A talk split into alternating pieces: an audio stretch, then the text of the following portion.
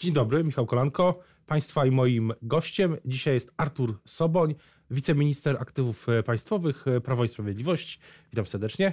Poseł ziemi lubelskiej, mogę jeszcze Można dodać. Tak. Chciałbym, zapy- chciałbym zapytać na początek o właśnie samo ministerstwo. Jak, jak pan widzi siebie w nim i jak pan też definiuje jego misję, jeśli chodzi o, o przyszłość, rozwój Polski, można tak chyba ująć? Wracamy do mm, formuły, w której y, całość y, wykonywania y, praw właścicielskich z majątku, który państwo polskie posiada, jest w jednych rękach, co oczywiście powoduje, że ta koordynacja prac i synergia związana z posiadaniem aktywów w różnych obszarach będzie możliwa w dużo większym stopniu i to jest główny cel powołania mm, tego ministerstwa. Natomiast e, moja rola została zdefiniowana także jako pełnomocnika rządu do spraw e, instrumentów finansowania rozwoju gospodarczego państwa, czyli jesteśmy dzisiaj w sytuacji, w której Polska jest państwem coraz bogatszym, to znaczy wszystkie wskaźniki, także te wskaźniki wysokości PKB na mieszkańca w stosunku do Unii Europejskiej zbliżają się do średniej europejskiej. W związku z tym musimy szukać instrumentów wspierania rozwoju gospodarczego poza środkami publicznymi, także środkami europejskimi Europejskimi, które będą odgrywały w nowym budżecie Unii Europejskiej mm, i polityce spójności wobec Polski gigantyczną rolę wciąż. Natomiast ta rola będzie już coraz mniejsza, w związku z tym e, należy uruchamiać wszystkie zasoby, które będą dawały szansę na to, aby e, ten rozwój wspierać. A myśli pan, że w ogóle można określić drugą kadencję też po ekspoze premiera Morawieckiego z 19 listopada jako kadencję y, pod znakiem rozwoju, hasła rozwój? No, to, to z całą pewnością można, natomiast e, pan premier e, używał najczęściej dwóch słów. Jedno wymienił pan redaktor właśnie przed chwilą, a drugie słowo, które było bardzo chętnie używane przez e, pana premiera podczas ekspozycji, to słowo normalność. I ja bym postawił tutaj znak równości. To znaczy jesteśmy dzisiaj w sytuacji takiej, bym powiedział, jak drugie, jak państwa Europy Zachodniej po II wojnie światowej, czyli no, wracamy do e, sytuacji w której gospodarka się e, rozwija. Wszyscy chcą być coraz bardziej e, zamożni, korzystać z tego, że państwo e, tworzy dobre warunki dla rozwoju. I niezależnie od tego, co robimy, każdy ma swoje mm, aspiracje i państwo powinno te aspiracje uwzględniać, tak tworząc takie warunki, które będą pozwalały na to, żeby tą szansę, jaką dzisiaj Polska ma, czyli jesteśmy takim normalnym, dobrym wzroście gospodarczym, bezpieczni, z no, wielkimi szansami na to, żeby rozwijać się w takim tempie, w jakim się rozwijamy, niezależnie od e, sytuacji gospodarczej wokół nas. A co do spółek finansowych, sektora finansowego, i czy, czy myśli pan, że kierunek w tej kadencji będzie taki, że powinno być ich więcej pod agendą, pod, agendą, e, pod pieczą rządu? Co to znaczy więcej? Więcej, że więcej będzie, że będzie postępował proces e, tej repolonizacji na przykład banków.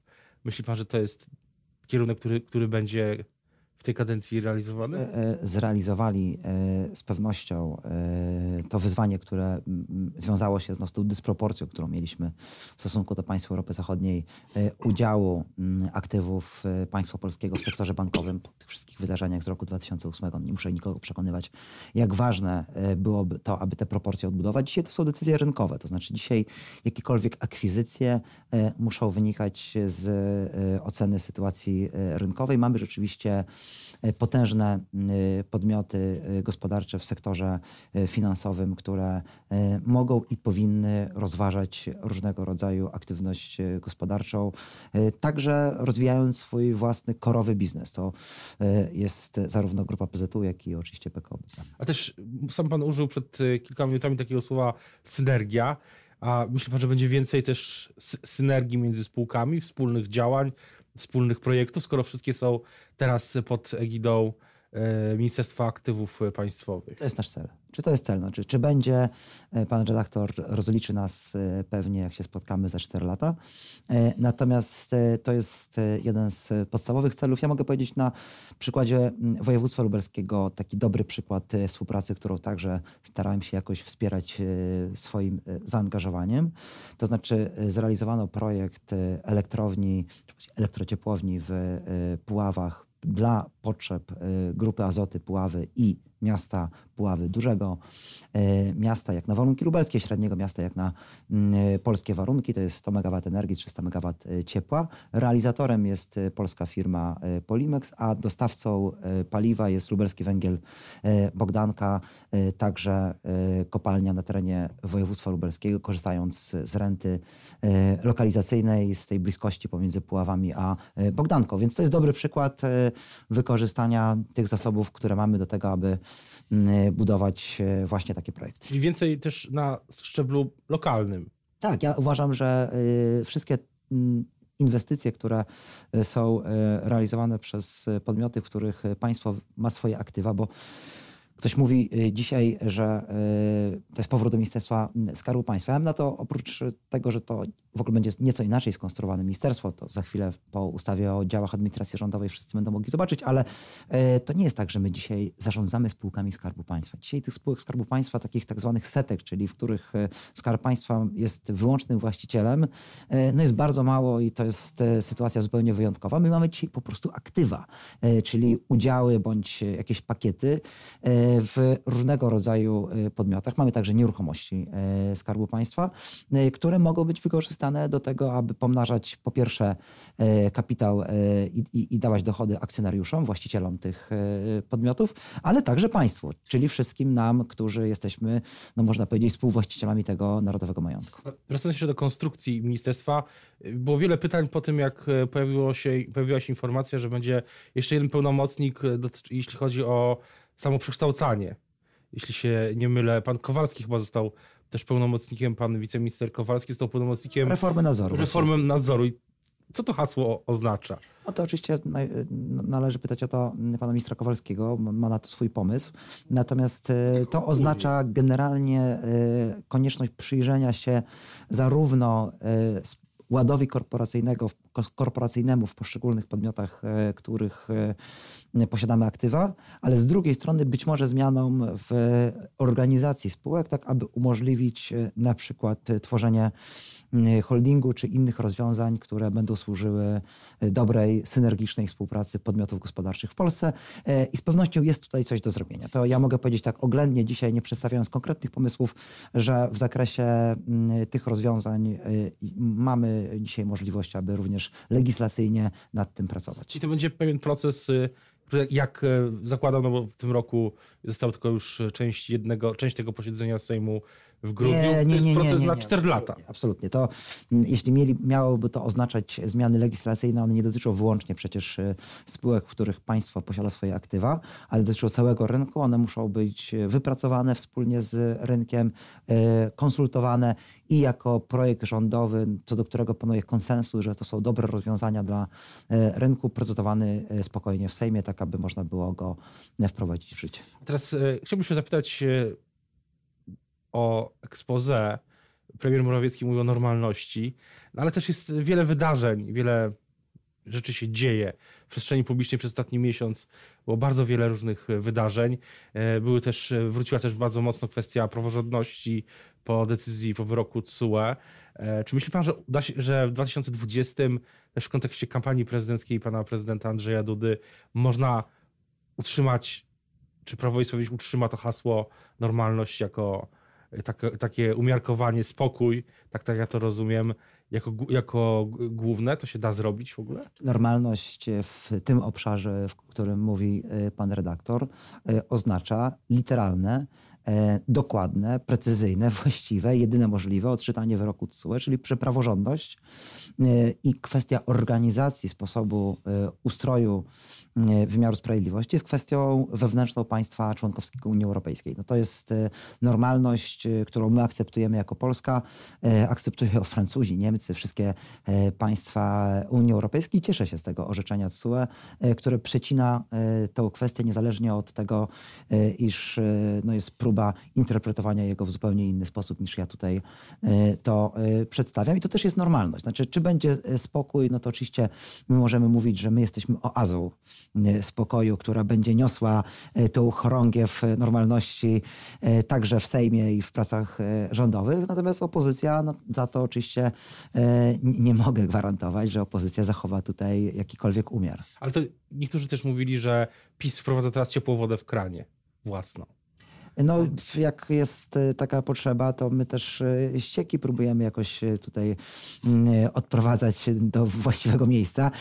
Nie, nie, nie, nie, nie sądzę, żeby z awarią ciepłej wody w kranie w Warszawie pan prezydent sobie nie poradził, ale jak będzie taki kłopot, to my też ciepłą wodą w kranie się zajmiemy, bo Platforma ma nawet z tym kłopot rzeczywiście. No nie, oczywiście ja rozumiem to porównanie, to, to nie oznacza dzisiaj powrotu do polityki braku zmian i te zmiany, które będziemy przedstawiali często będą kontrowersyjne i będą budziły budziły mm, dyskusje e, e, opinii publicznej, więc nie unikamy trudnych tematów, to też pan redaktor może e, potwierdzić. Natomiast no nie jest to mm, sytuacja, w której jakby to jest naszym celem. Naszym celem jest realizowanie tego, co zapowiadaliśmy i chcemy to robić w jak największym spokoju społecznym, bo to są rzeczy dobre dla Polski. Chciałbym się zapytać na koniec trochę, bo przeszedł pan z Ministerstwa Infrastruktury i Rozwoju do Ministerstwa Nowego Aktywów Państwowych, niejako e, zostawiając projekt e, Mieszkanie Plus. W jakimś sensie jest pan spokojny o los tego projektu teraz pod nową,